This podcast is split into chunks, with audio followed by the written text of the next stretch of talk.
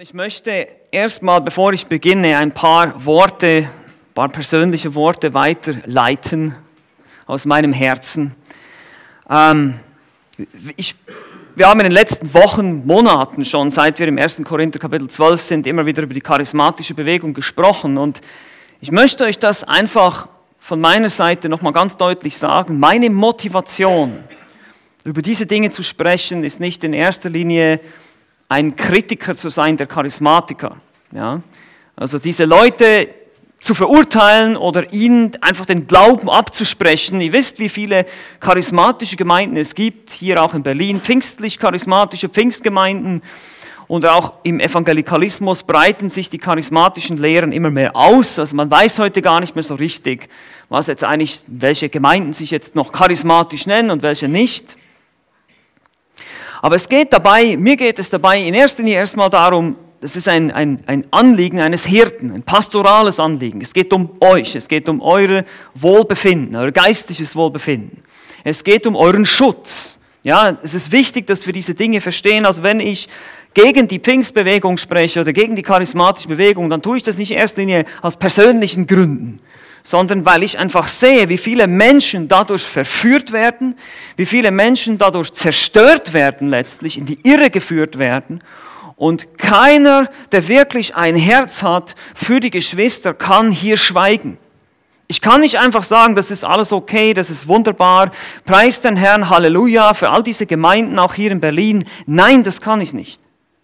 Ich finde es sogar schrecklich und traurig und noch schlimmer, als wenn das alles Atheisten wären, weil diese Leute denken, sie sind Christen und viele von ihnen sind es nicht. Einige von ihnen sind vielleicht Christen, sind wie die geborenen Menschen. Wie gesagt, ich spreche ihnen nicht grundsätzlich das Heil ab, das kann ich nicht tun. Ich kann nicht in ihre Herzen sehen. Aber letztlich sind es ganz klar Irrlehren. Und deshalb befassen wir uns so intensiv mit diesem Thema. Und heute auch wieder wird es um dieses Thema der Apostel gehen. Und es wird ein bisschen technisch werden heute, also bitte habt ein bisschen Geduld mit mir. Versucht einfach mal zu folgen. Ihr könnt euch ja die Predigt nochmal anhören. Es wird nicht eine typische Auslegungspredigt sein heute, es wird ein bisschen thematisch werden auch. Aber das sind wichtige Konzepte, die wir verstehen müssen. Das sind wichtige Dinge, die du verstehen musst. Weil wir werden immer wieder Argumente von Gegnern oder von, sag ich mal, von eher Befürwortern der sogenannten Zeichen- und Wunderbewegung an den Kopf geworfen bekommen. Die werden kommen und sagen, ja, wie begründest du das denn biblisch? Warum gibt es denn heute kein Zungenreden mehr? Wir lesen doch in der Bibel davon. Wie kommst du auf die Idee, dass es es heute nicht mehr geben soll? Der Heilige Geist ist doch derselbe und Jesus ist doch auch derselbe und Gott der Vater ist doch auch derselbe, heute, gestern und in alle Ewigkeit. Ja, es kommt dann immer Hebräer 13 als Argument. Es ist doch derselbe Gott. Warum Warum denkst du, dass das jetzt nicht mehr so sein sollte? Warum sollen wir nicht Prophetien haben, der Gemeinde? Warum sollen bei uns nicht auch Propheten aufstehen und ein Wort weitergeben? Das sehen wir doch in Korinth, ist doch geschehen. Paulus sagte nicht, dass es schlecht ist. Er sagte, ich wünsche mir, dass ihr alle weiß sagt. Ja, aber was, und deshalb müssen wir das verstehen. Es gibt auch Leute heute, die wirklich auch mit der Schrift kommen und versuchen, diese charismatischen Lehren damit zu begründen. Ich möchte euch nur hier mit hineinnehmen, warum das wichtig ist, dass wir uns damit beschäftigen. Wir machen einen kleinen Ausflug nochmal ins Jahr 1901. Das Jahr 1901 war für die Pfingst- und charismatische Bewegung sozusagen ein großes Jahr. Könnt ihr euch vielleicht erinnern, das war da, als eine Person namens Agnes Osman zum ersten Mal in Zungen geredet hat, während einer Versammlung von Studenten, die die Apostelgeschichte studiert haben. Und die Pfingstbewegung war geboren damals. Wir haben uns das in früheren Predigten schon angeschaut. Und aus dieser Bewegung entstand dann später, Jahre später, die sogenannte charismatische Bewegung mit Betonung nicht nur auf dem Zungenreden, diesem Reden in Fremdsprachen, was dann letztlich zu unverständlichem Geschwafel wurde oder schon von Anfang an war, sondern auch Betonung auf die Zeichen und Wunder sowie auch Heilungen. Aber im Jahre 2001, also jetzt 100 Jahre später, gemäß einigen charismatischen Leitern, habe noch etwas viel Signifikanteres stattgefunden, noch etwas viel Wichtigeres. Das zweite apostolische Zeitalter sei angebrochen, heißt es. Und ich habe diese Bewegung auch schon erwähnt. Sie nennt sich die neue apostolische Reformation. Also die neue apostolische Reformation.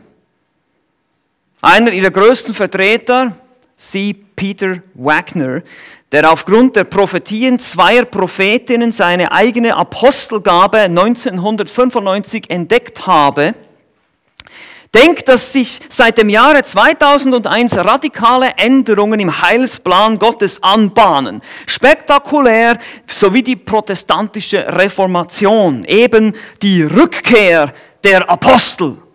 Das hört sich wie die Rückkehr der Jedi-Ritter an, so ähnlich. Man glaubt, dass die Apostel nicht nur ein Phänomen ist, welches auf das erste Jahrhundert begrenzt war, sondern jetzt neu, in neuer Version sozusagen zurückkehren und auch heute noch aktiv sein sollten. Es wird gesagt, dass die Kirche diese Gaben unterdrückt hat und dass wir die jetzt neu entdecken müssen. Als Beweis dafür seines apostolischen Dienstes stieß Peter Wagner eine Prophetie aus, dass im Jahre 2001 der Rinderwahnsinn in Europa aussterben würde, besiegt würde. Nun leider wissen wir das auch, dass es nach diesem Zeitpunkt immer noch Meldungen gibt von Rinderwahnsinn in Europa. Im Jahre 2009 zum Beispiel verzeichnete man 67 Fälle allein. Aber Wagner natürlich unbeirrt, dass das eine offensichtlich falsche Prophetie war schwingte sich zum Präsident einer internationalen Koalition von Aposteln.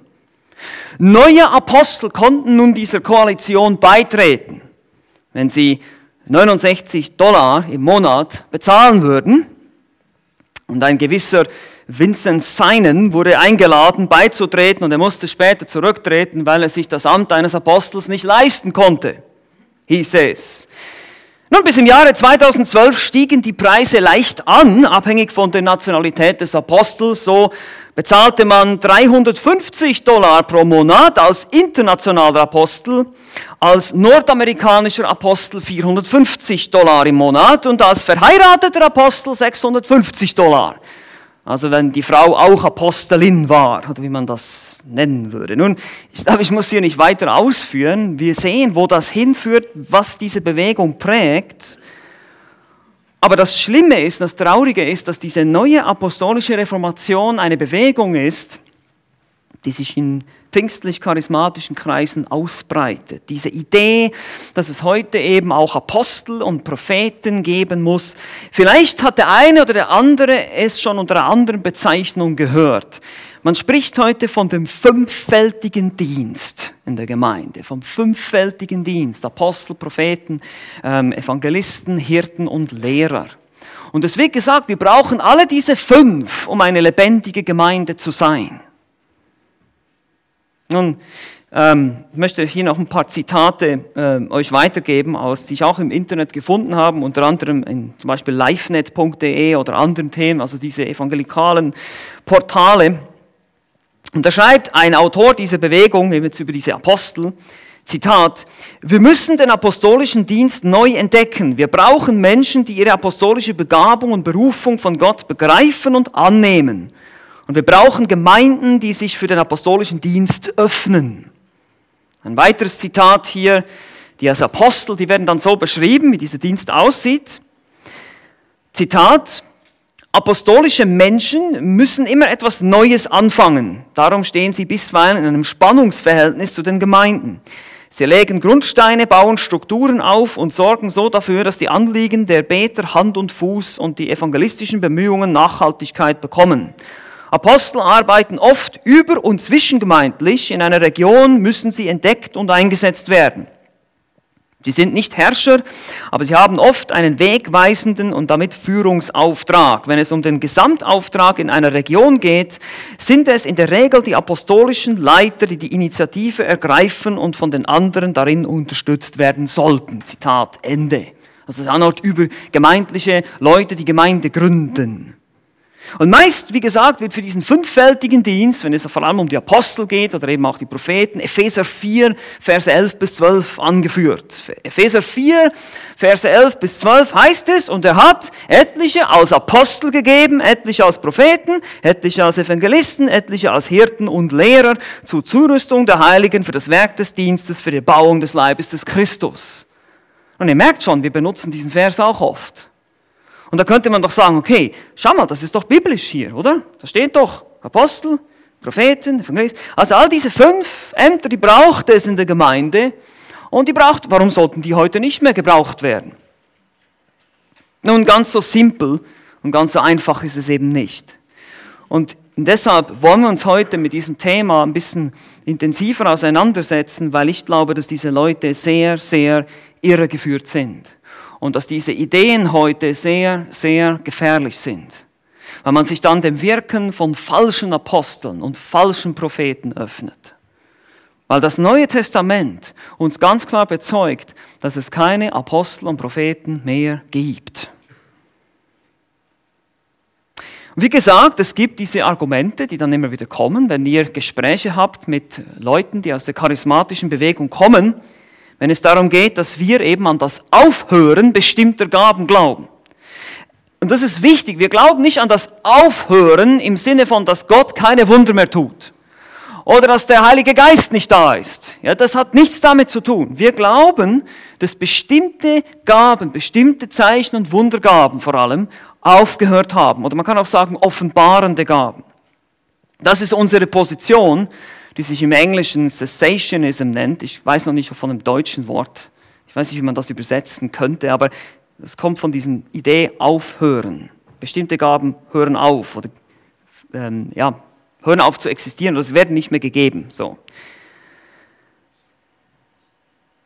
Nun, aber lasst uns doch mal zu Epheser 4 zurückkehren. Epheser 4 müssen wir besser verstehen und dazu müssen wir einen Abstecher machen. Und unser heutiger Text 1. Korinther 12, da wo wir jetzt angekommen sind, der hilft uns, diesen Texten, Epheser 4 und auch andere Texte, die zu diesem Thema sprechen, etwas besser zu verstehen. Wir machen eine Art Einleitung eigentlich jetzt zum, zu diesem Textabschnitt, 1. Äh, Korinther 12, Verse 27 bis 31. Das ist unser Abschnitt, den wir eigentlich jetzt anschauen, aber es ist heute mehr so eine Einleitung und nächstes Mal werden wir den Text dann durchgehen, Vers für Vers. Wie gesagt, wir müssen ein bisschen Geduld haben hier. Und wenn diese Stelle hier im Korintherbrief verglichen mit anderen Stellen, sehen wir eine Absicht, ein, eine Art neutestamentliches Gesamtkonzept, wenn es um die Gaben geht. Eben gerade über die Apostel vor allem. Apostel Propheten, auch andere Gaben hier in Form von Männern. Ihr seht schon, es gibt Geistesgaben in Form von Befähigungen. Das haben wir schon gesehen. Wort der Erkenntnis, Glaube, Wunderwirkungen wurden in Kapitel 12 schon genannt. Und jetzt spricht der Apostel Paulus hier von Gaben, ebenfalls von Geistesgaben, aber das sind jetzt in Form von Männern oder Ämtern, Apostel, Propheten. Und dann kommen aber auch die Heilungen und die Hilfeleistungen und die werden wir uns nächstes Mal anschauen. Nächstes Mal steigen wir dann den Text ein. Aber lass uns den Text mal lesen hier in 1. Korinther 12, Verse 27 bis 31, das ist unser Text. Ihr könnt aber auch gerne den Daumen schon mal auch im Epheserbrief halten, also dass ihr da immer so ein bisschen hin und her blättern könnt. Hier heißt es in 1. Korinther 12, Vers 27, ihr aber seid Christi Leib und Glieder im Einzelnen.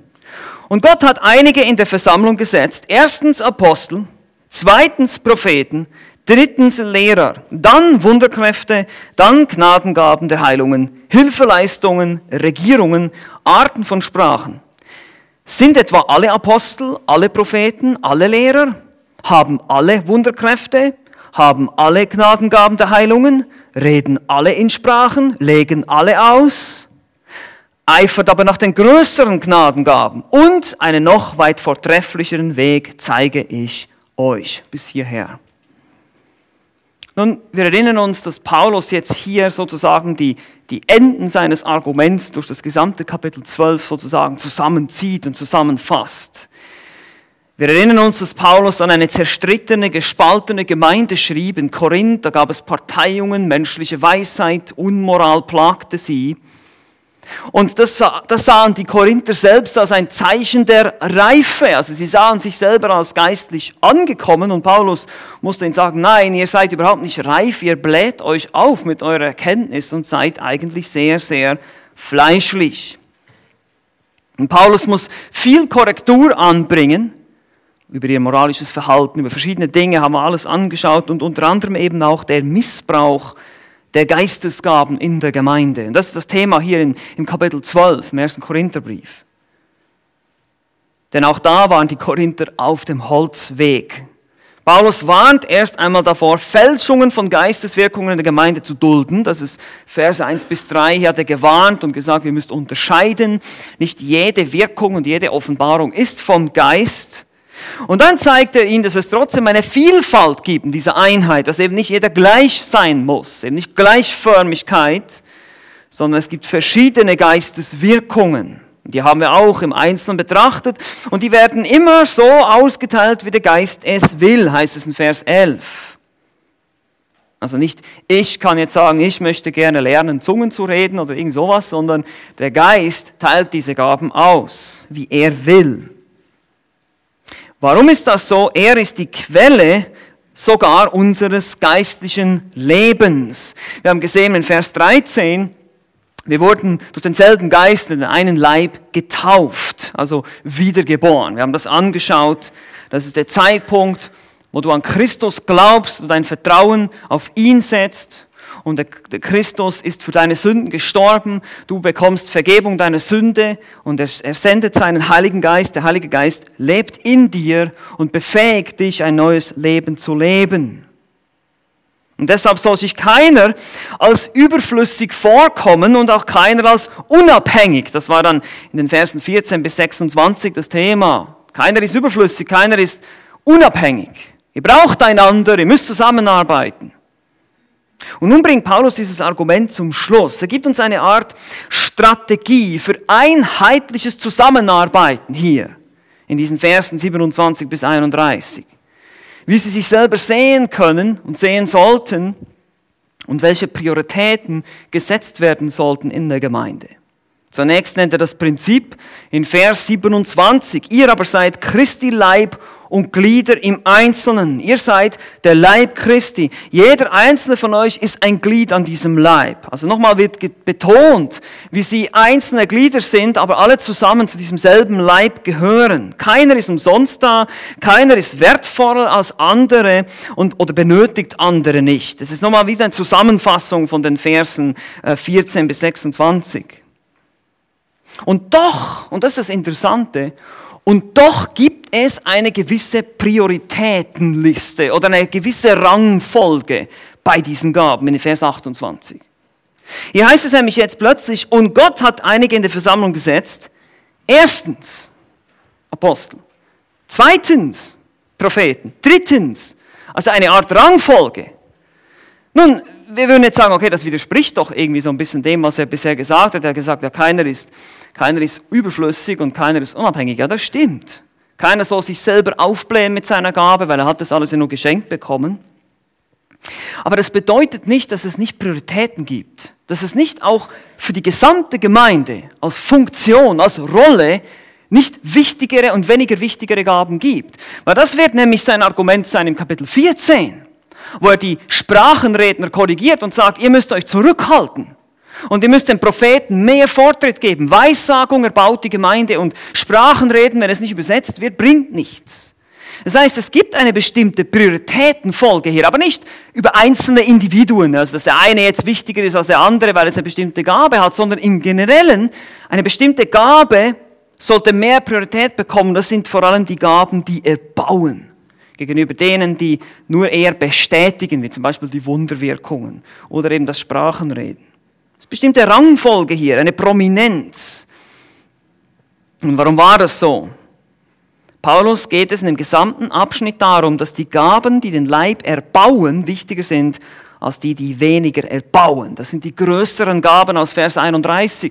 Da heißt es, eifert nach den größeren Gaben, Apostel, Propheten. Nicht, dass du ein Apostel werden sollst, natürlich, aber dass dem Wirken eines Apostels in dieser Gemeinde mehr Priorität beigemessen wird, im Sinne von die apostolische Lehre, die Paulus vertreten hat. Wir wissen ja dann später auch im zweiten Korintherbrief, es gab auch falsche Apostel, die versucht haben, den Apostel Paulus sozusagen zu, äh, ja, zu verleumden, dass er gar kein richtiger Apostel ist, dass man ihm nicht vertrauen soll. Also er sagt hier, das ist eigentlich die Topgabe, die Gabe des Apostels in Vers 28. Und hier wollen wir heute einen Stopp machen. Ja, wir wollen jetzt nicht weitergehen, wir werden nächstes Mal das anschauen. Wir wollen uns mit dem Thema des Apostels beschäftigen. Und wir haben heute diese drei Feststellungen über die Gabe des Apostels, um ein besseres Verständnis der Gaben des Neuen Testaments zu bekommen. Eben gerade wenn es um diese Fragen geht, ja, welche Gaben haben denn aufgehört? Das ist doch willkürlich. Ja, wer, wer legt denn das fest? Dass jetzt ausgerechnet Sprachenreden aufgehört hat und der Glaube und der Evangelist, den gibt es noch. Warum? Wie begründest du das von der Schrift her? Nun, wie gesagt, wenn wir die Gabe des Apostels besser verstehen, dann werden wir die anderen Dinge auch, werden sozusagen besser in ihre, oder die Puzzleteile werden sich zusammensetzen. Ich hoffe, und ich weiß, es ist ein bisschen schwierig, vielleicht ein bisschen komplex heute, aber ich hoffe, ihr könnt mir folgen.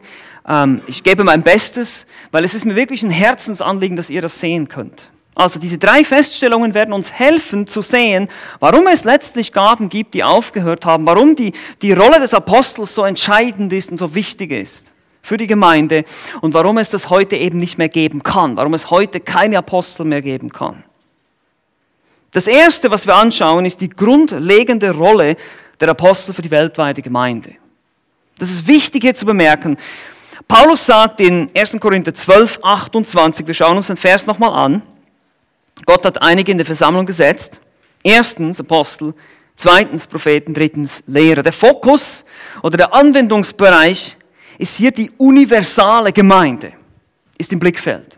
Also wenn ihr hier das Wort Gemeinde oder Versammlung lest, in meiner Übersetzung ist Versammlung, in eurer ist wahrscheinlich Gemeinde, dann ist hier nicht nur die lokale Gemeinde in Korinth gemeint, sondern das ist die weltweite Gemeinde. Er hat in der weltweiten Gemeinde gesetzt als erstes Apostel die Topgabe.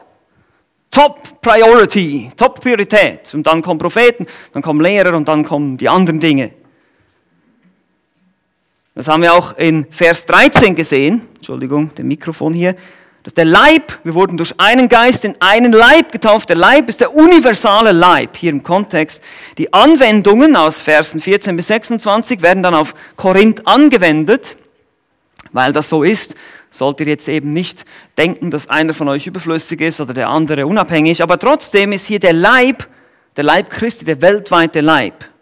Im Vers 27 steht auch kein Artikel vor dem Wort Leib im Griechischen. Und im Griechischen bedeutet das so viel wie, man muss es übersetzen wie, ihr seid Leib Christi. Also nicht nur ein Leib, wir würden im Deutschen immer den undefinierten oder den unbestimmten Artikel verwenden, aber im Griechischen ist es eine Kategorie eine Klasse, eine Qualität. Ihr seid Leib Christi. Das meint den universalen, den weltweiten Leib. Und in diesem weltweiten Leib hat Gott zuerst als erstes Apostel platziert. Ja, wir haben uns darüber unterhalten, wie er bestimmte Glieder am Leib platziert hat, zusammengefügt hat. Das ist die Idee immer noch hier. Und dann zweitens Propheten, drittens Lehrer. Und das bezieht sich sogar nicht nur auf die gesamte weltweite Gemeinde, sondern einmalig in der Geschichte der gesamten Gemeinde. Als erstes waren die Apostel da. Und das können wir sehr gut sehen. Was hat Jesus gemacht? Als erstes hat er die zwölf Apostel berufen. Und mit ihnen hat er letztlich die Gemeinde gebaut. Die zwölf Apostel waren die Offenbarungsträger, die rausgegangen sind und die Mission gestartet haben, die Gemeinde gegründet haben. Jetzt wird's interessant. Wie gesagt, Ihr müsst den Daumen jetzt bei Epheser 4 haben, ähm, um Epheserbrief einfach mal aufschlagen zu können. Die Reihenfolge da im Epheserbrief ist nämlich die gleiche.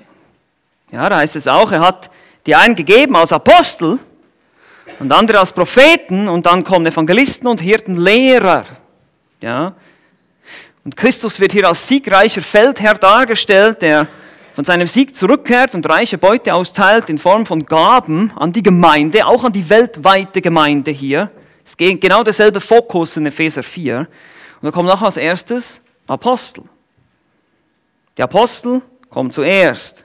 dann die Propheten, dann kommen die Evangelisten dazwischen und die Hirtenlehrer, weil da denken viele Gelehrte, Hirtenlehrer ist ein Wort, bei euch steht, glaube ich, Hirten und Lehrer. Ähm, und somit ist Lehrer im 1. Korinther 12 wohl eher eine allgemeine Kategorie für Hirten und Lehrer. Ihr wisst, das können auch Leute lehren, die nicht unbedingt Hirten sind in der Gemeinde. Aber jeder Hirte sollte lehrfähig sein.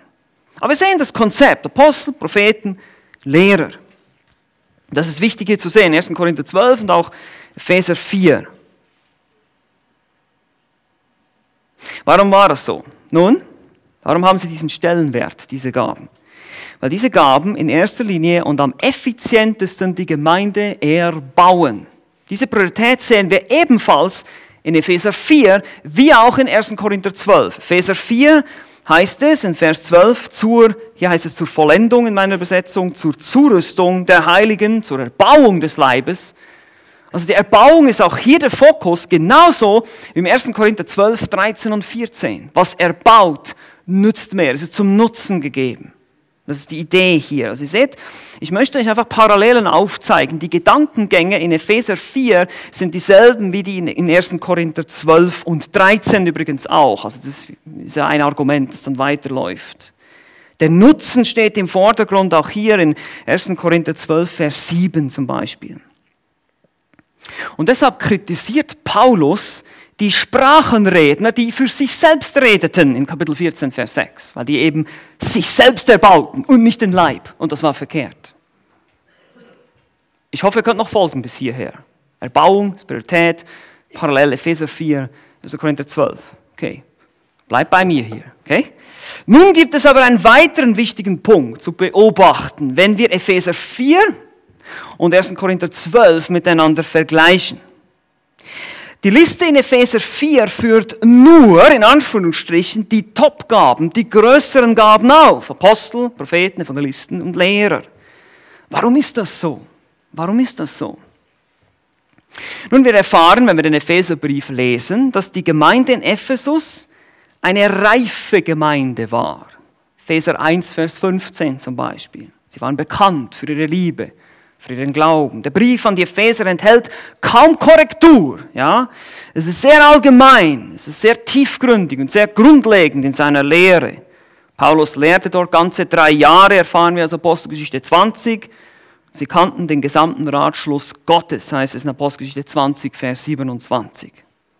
Die Gemeinde in Korinth hingegen war fleischlich, das haben wir auch schon gesehen, 1. Korinther 3, und daher noch in einem Stadium des Kindlichen. Und darauf geht Paulus dann auch noch in Kapitel 13 ein, in Vers 11 im Korintherbrief. Sagt er kindlich. Wir wollen vom kindlichen zum Erwachsenenstadium finden. Also, behalte das im Hinterkopf. Epheser war eine reife Gemeinde, Korinther eine fleischliche. Jetzt gibt es weitere Parallelen hier. Ich möchte euch das nur kurz zeigen, dass ihr das sehen könnt. Beide Stellen, also ich rede jetzt immer hier von dem Abschnitt Epheser 4, 11 bis 16 und im Korintherbrief Kapitel 12 Abvers 28 bis und mit 13 Vers 11 und 12. Das ist ein längerer Abschnitt und die Gedanken sind natürlich nicht alle genau gleich so hintereinander, aber wir, sind, wir finden sehr viele parallele Gedankengänge. Zum Beispiel, beide Stellen sprechen von den Gaben und ihrem Zweck schon gesagt, die Gemeinde zur Reife zu führen, aufzubauen, Zurüstung der Heiligen, Erbauung des Leibes. Beide Stellen sprechen davon, dass die Gemeinde unterschiedlich begabt ist und doch eine Einheit ist. In Epheser 4, 16 sehen wir das. Heranwachsen zu ihm hinter das Haupt ist der Christus. Und davor heißt es eben, wie die, wie die Glieder untereinander arbeiten. Also wir sehen das hier, der ganze Leib wohl zusammengefügt und verbunden durch jedes Gelenk der Darreichung, das ist Vers 16. Also dieselbe Gedanke hier, verschiedene Glieder, die eine Einheit bilden. Drittens, die Reife der Gemeinde zeigt sich in beiden Stellen in erster Linie an einem reifen Glauben, Liebe und Hoffnung. Glauben, Liebe und Hoffnung, diese drei in 1. Korinther 13, ganz am Ende.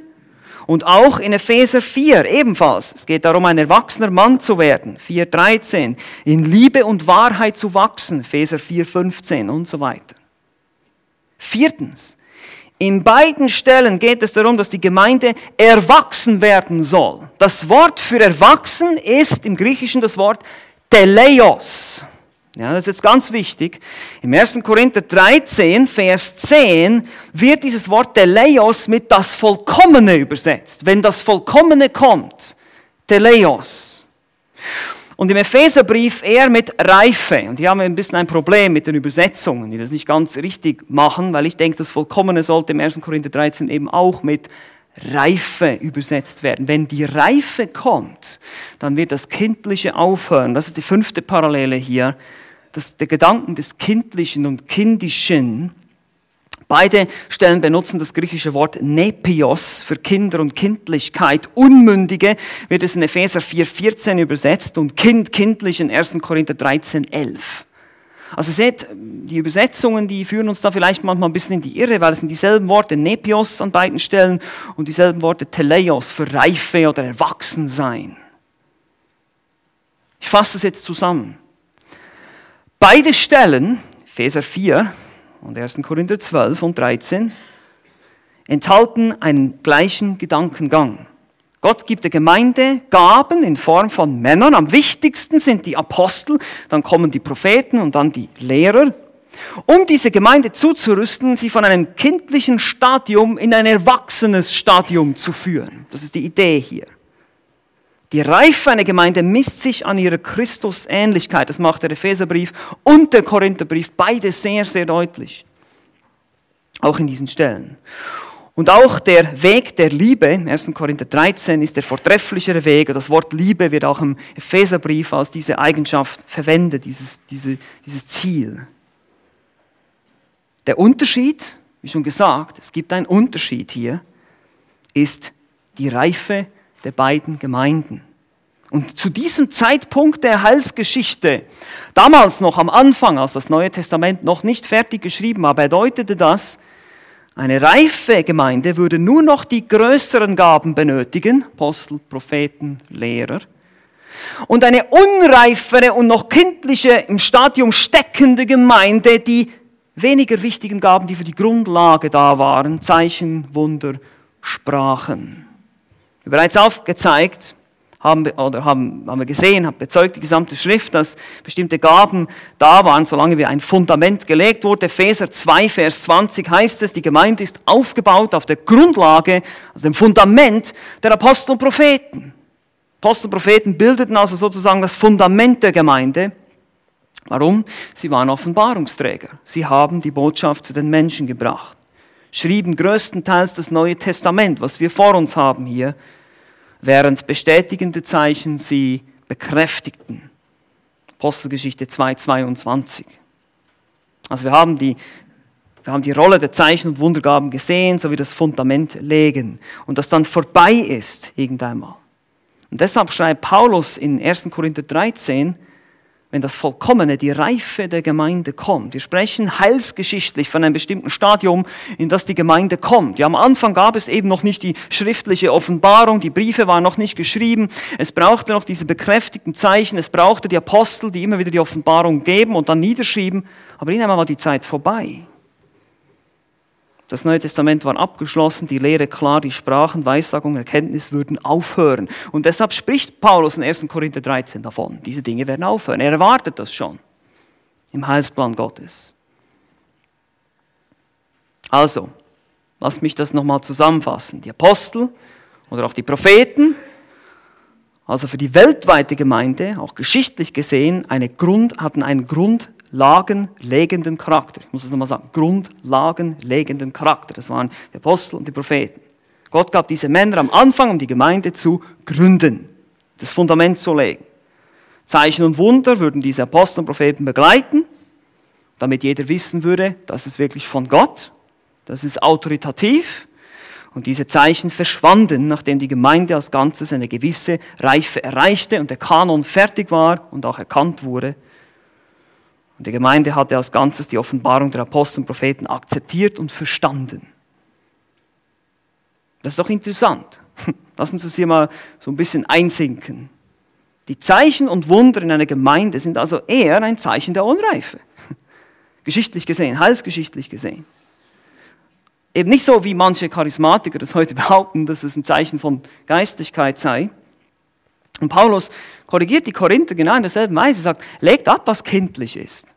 Ihr seid jetzt, hört jetzt auf, in diesem kindlichen Stadium zu stecken und denken, Geistesgaben, diese Wunder und Zeichen, all das sei so wichtig. Es gibt viel wichtigere Dinge, die Lehre der Apostel und die damals noch die Propheten, die noch am Wirken waren, denen sie mehr Priorität geben sollten in der Gemeinde. Eben kein fünffältiger Dienst. Sie müssen, wir müssen heute auch nicht zurück in die Zeichen- und Wunderzeit. Wir brauchen das nicht mehr. Und das ist wichtig zu verstehen, weil die Apostel die Grundlage gelegt haben. Jetzt kommen wir zum zweiten Punkt. Das ist nicht mehr so lang, keine Angst. Die Definition eines Apostels. Die zweite Feststellung, die uns hilft, das besser zu verstehen. Wir haben jetzt diese Übergangszeit gesehen, heilsgeschichtliche Übergangszeit. Jetzt kommt die Definition. Was ist denn eigentlich ein Apostel? 1. Korinther 12, Vers 28 heißt es, wie gesagt, hat gesetzt in der Versammlung erstens Apostel. Das Wort bedeutet Gesandter oder Botschafter. Es wurde im Neuen Testament in einem technischen Sinn verwendet, für die Personen angewandt, die eben Apostel Jesu Christi waren, Abgesandte Jesu Christi. Wir kennen die zwölf oder mit Paulus 13. Das war eine besondere Gruppe, das sind die bekanntesten, obwohl es auch falsche Apostel gab und einen von ihnen war falsch, der Judas, und der wurde ersetzt durch Matthias. Sie waren die Apostel Jesu Christi. Dann gab es neben den zwölf auch noch andere, die diesen Titel tragen, zum Beispiel Barnabas oder Jakobus, der Bruder des Herrn in Galater 1,19. Und möglicherweise auch noch andere Personen zu dieser Zeit. Von einem Adronikus oder einem Junius wird berichtet in Römer 16. Diese gehörten sozusagen einer zweiten allgemeinen Gruppe. Die gehört nicht zu den zwölf, sondern eher eine allgemeine Gruppe von Aposteln, die wohl dann eben auch gefälscht wurden. 2. Korinther 11 heißt es, dass es eben auch falsche Apostel gab. Aber wie gesagt, in, hier in unserem Vers, 1. Korinther 12, steht diese Gabe ganz oben auf der Prioritätenliste. Wie ich schon gesagt habe, es ist grundlegend für die Glaubenslehre. Die Apostel hielten das in den Schriften fest. Die, die Gemeinde stützt sich auf die Lehre der Apostel, heißt es in Apostelgeschichte 2,42. Das ist grundlegend für den Aufbau der Gemeinde, für den Beginn der Weltmission und die Apostel kombinierten auch alle anderen Gaben. Apostel heilten, Apostel taten Wunder, Apostel stießen Prophetien aus, Apostel redeten in Sprachen teilweise. Sehen wir 1. Korinther 14, Paulus konnte in Sprachen reden. Dies waren die Zeichen, die einen echten Apostel bestätigten, begleiteten. 2. Korinther 12, Vers 12 sagt Paulus, die Zeichen eines Apostels sind unter euch geschehen. Ihr seht schon, der Apostel ist wirklich die Topgabe, die Kombination von allem, grundlagenlegend und das absolute Fundament. Und diese waren wohl auch im Besitz der Gabe des Wortes der Weisheit und Wortes der Erkenntnis, was wir schon in 1. Korinther 12, 8 gesehen haben. Sie waren die Grundsteine der Gemeinde, Epheser 2,20. Und Paulus wollte, dass in jeder Gemeinde die apostolische Lehre absolute Top-Priorität hat, natürlich. Die größte Gabe. Man sollte ihr am meisten Raum und Platz einräumen. Wenn der Apostel, wenn etwas von einem Apostel kommt, ist das das Wichtigste, worauf die Gemeinde hören sollte weil diese sind die direkten Abgesandten von Christus selbst. Das war der Punkt. Was ist ein Apostel? Und jetzt kommen wir zum dritten Punkt. Seht schon, geht ein bisschen schneller. Die Wichtigkeit der Apostel im Zusammenhang mit dem Aufhören anderer Gaben. So, jetzt, jetzt kommen wir dahin zu diesem Gesamtkonzept. Wir haben jetzt gesehen, wir fassen zusammen. Die Apostel und die Propheten waren diese grundlegenden Leute, die die Gemeinde gegründet haben. Und die Gemeinde befand sich zu dem Zeitpunkt im ersten Jahrhundert in einem kindlichen Stadium, das aber langsam zu einem erwachsenen Stadium werden sollte, in dem sie die Lehre als komplettes erkennen sollten und niedergeschrieben wurde. Und das war auch das Ziel, was Paulus verfolgte und die anderen Lehrer. Und wir sehen jetzt hier die Apostel, warum das so wichtig ist zu sehen. Die Apostel sind ein eindeutiges Zeugnis des Aufhörens einer Gabe, kann man sagen. Weil sie legten den Grundstein, oder das, das legt den Grundstein sozusagen für unsere Ansicht. Wie gesagt, wir werden oft gefragt von den Charismatikern, ja, wie begründet ihr denn das mit diesem Aufhören der Gaben und ja, eure Auslegung von 1. Korinther 13, 8 bis 10, ja, da gibt es ja verschiedene Auslegungen und sonst findet man ja gar nicht viel, aber das stimmt nicht. Der Vergleich mit den aufgelisteten Geistesgaben in Epheser 4 und auch die Thematik der Reife bzw. Unreife hat schon einiges gezeigt. Wir haben schon einiges gesehen jetzt. Denn nicht in jeder Gemeinde gab es Zeichen und Wunder. Wir sehen eben in Ephesus nicht. In Rom wird auch eine Liste von Geistesgaben aufgeführt, in Römer 12, da gab es auch. Kommen diese Zeichengaben auch nicht vor. Aber wie gesagt, das Amt oder die Gabe des Apostels liefern einen weiteren Hinweis, dass es zumindest Gaben gibt, die tatsächlich aufgehört haben. Es ist nicht schwer zu beweisen, von einem biblischen Standpunkt her, dass es heute keine Apostel mehr geben kann. Und hier sind die Gründe dafür. Es gibt fünf insgesamt. Fünf Gründe, warum es heute keine Apostel mehr geben kann. Wie gesagt, ich fasse das nur zusammen, aber ihr werdet schon sehen. Erstens, die Voraussetzungen, damit jemand als echter Apostel akzeptiert wurde. Und was sind die Voraussetzungen? Was sind die Voraussetzungen? Jemand musste Kontakt mit dem Herrn Jesus persönlich hier auf Erden gehabt haben, die ganzen drei Jahre. Das erfahren wir in Apostelgeschichte 1, 21 bis 22. Das erklärt natürlich auch, warum diese Gabe nur im ersten Jahrhundert aktiv war. Die Leute sind alle gestorben. Macht Sinn. Der Apostel Johannes, wissen wir, war der letzte noch lebende Apostel gegen Ende des ersten Jahrhunderts. Er hatte noch persönlichen Kontakt gehabt zu Jesus. Aber nicht nur persönlichen Kontakt sollten sie gehabt haben, sondern sie mussten auch persönlich von Jesus eingesetzt worden sein, zumindest jetzt die zwölf. Und eben auch all die anderen Gaben, Zeichen und Wunder und Sprachen begleiteten sie dann. Die vereinten sie in sich. Es war eine Bestätigung, dass sie echte Apostel waren. Der Apostel Paulus selbst bestätigt, dass er der Letzte war, noch eine, er nennt sich eine unzeitige Geburt in 1. Korinther 15. Und nach ihm bezeugt er selber, gibt es keine Apostel mehr. Also das ist das Erste, die Bedingung überhaupt, ein Apostel zu sein, sind schon da scheiden die heutigen Apostel schon aus. Das ist schon vorbei eigentlich. Aber es gibt noch mehrere. Zweitens, weiterer Grund. Die außergewöhnliche und einzigartige Autorität, die die Apostel besaßen. Das haben wir schon gesehen. Sie waren Offenbarungsträger. Sie schrieben Bibel. Sie schrieben Schrift. Sie waren Offenbarungsträger. Das ist auch etwas, wo, wenn das heute jemand behauptet, dass ein C. Peter Wagner zum Beispiel seine Bücher zur Bibel hinzufügen müsste, ja, das wäre Schrift. Drittens, haben wir auch schon gesehen, ihr seht, jetzt fällt das Ganze langsam in ein Bild zusammen, die grundsteinlegende Rolle der Apostel. Die Rolle der Apostel, die Funktion war, die Grundlage, das Fundament der Gemeinde zu legen. Epheser 2, 20. Und dies wird auch in der Kirchengeschichte übrigens von den Kirchenvätern bezeugt, die sozusagen am nahesten am Geschehen dran waren im zweiten, dritten Jahrhundert. Ignatius, Irenäus und andere sprachen immer wieder davon, dass die Apostel den Grundstein legten und danach keine direkten Offenbarungen mehr folgten. Der Kanon, die Bibel ist zu, ist abgeschlossen.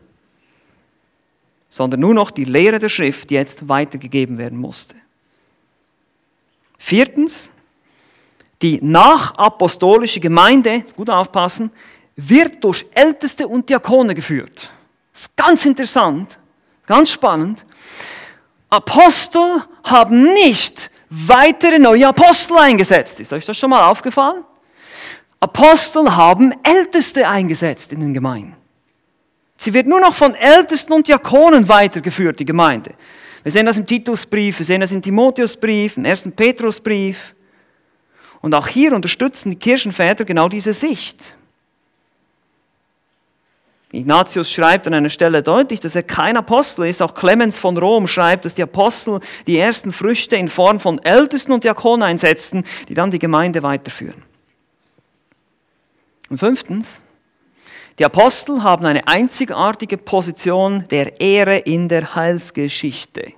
In Offenbarung 21 gibt es zwölf Grundsteine im neuen Jerusalem, die nach den zwölf Aposteln genannt sind.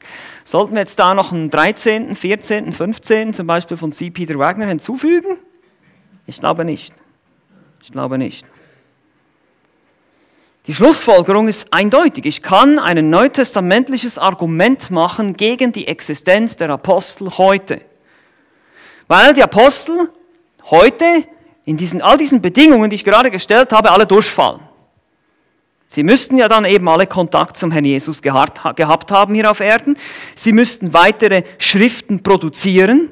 Sie würden immer noch den Grundstein für die Gemeinde als Ganzes heilsgeschichtlich legen. Ich rede jetzt nicht von Gemeindegründung.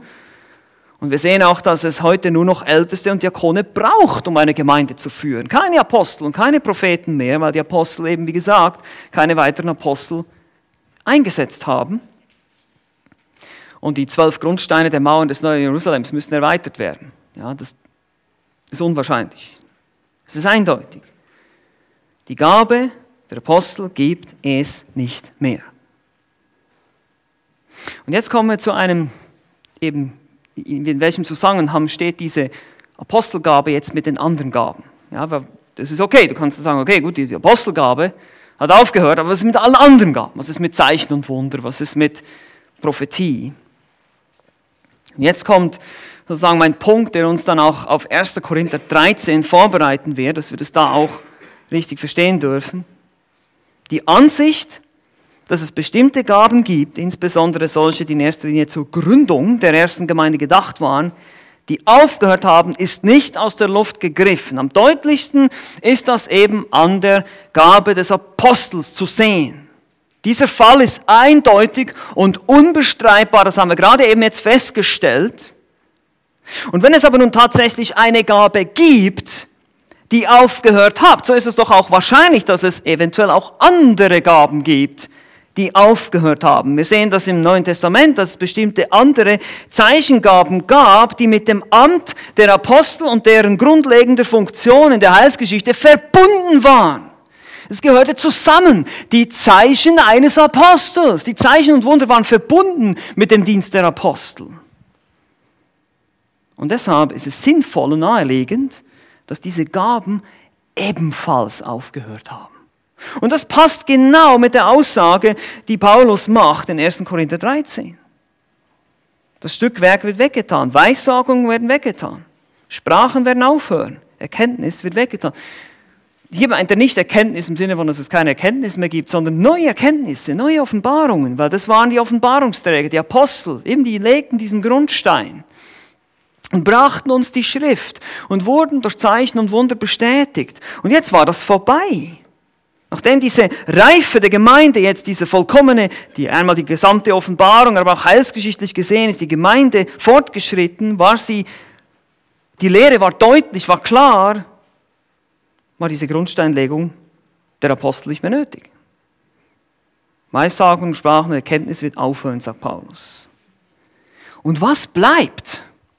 Was bleibt, sind die Gaben, die dazu dienen, eben nicht neue Lehre zu offenbaren, wie Apostel, Propheten, Zeichen, Wunder und so weiter, die bestätigten und Sprachen reden, sondern die Gaben, die dazu dienen, die gesunde Lehre weiterzugeben zu bewahren. Das sind die Lehrer oder Hirtenlehrer. Das ist Glaube, das ist Dienst, das sind die anderen Gaben, Evangelist. Versteht ihr die Sichtweise, dass bestimmte Gaben aufgehört haben und auch diese bestimmten Gaben, hoffe ich, konnte ich zeigen, gründet sich nicht einfach so aus, das ist so aus der Luft gegriffen. Ja, wir nehmen jetzt mal, das passt mir nicht, das gefällt mir nicht. Nein sondern es gründet sich auf die Aussage, die wir immer wieder sehen, das gesamte Neue Testament durch. Und wir haben ja schon in der Vergangenheit bestimmte Dinge angeschaut, dass es im Laufe der Apostelgeschichte tatsächlich so ist, dass diese Gaben langsam verschwinden, dass der Apostel Paulus auch nicht mehr heilen kann gegen ein Ende seiner Dienstzeit. Also all diese Dinge, die das Neue Testament uns präsentiert, weist alles darauf hin. Es gibt uns ein Gesamtkonzept, ein gesamtes Bild, das eindeutig ist. Und zwar ein Gesamtkonzept der Gaben und ihre Funktionen der Heilsgeschichte. Das müssen wir verstehen. Ihre Funktion der Heilsgeschichte. Deshalb sagt Paulus danach im Kapitel 14 über das Sprachenreden, dass es ein Zeichen für Ungläubige war.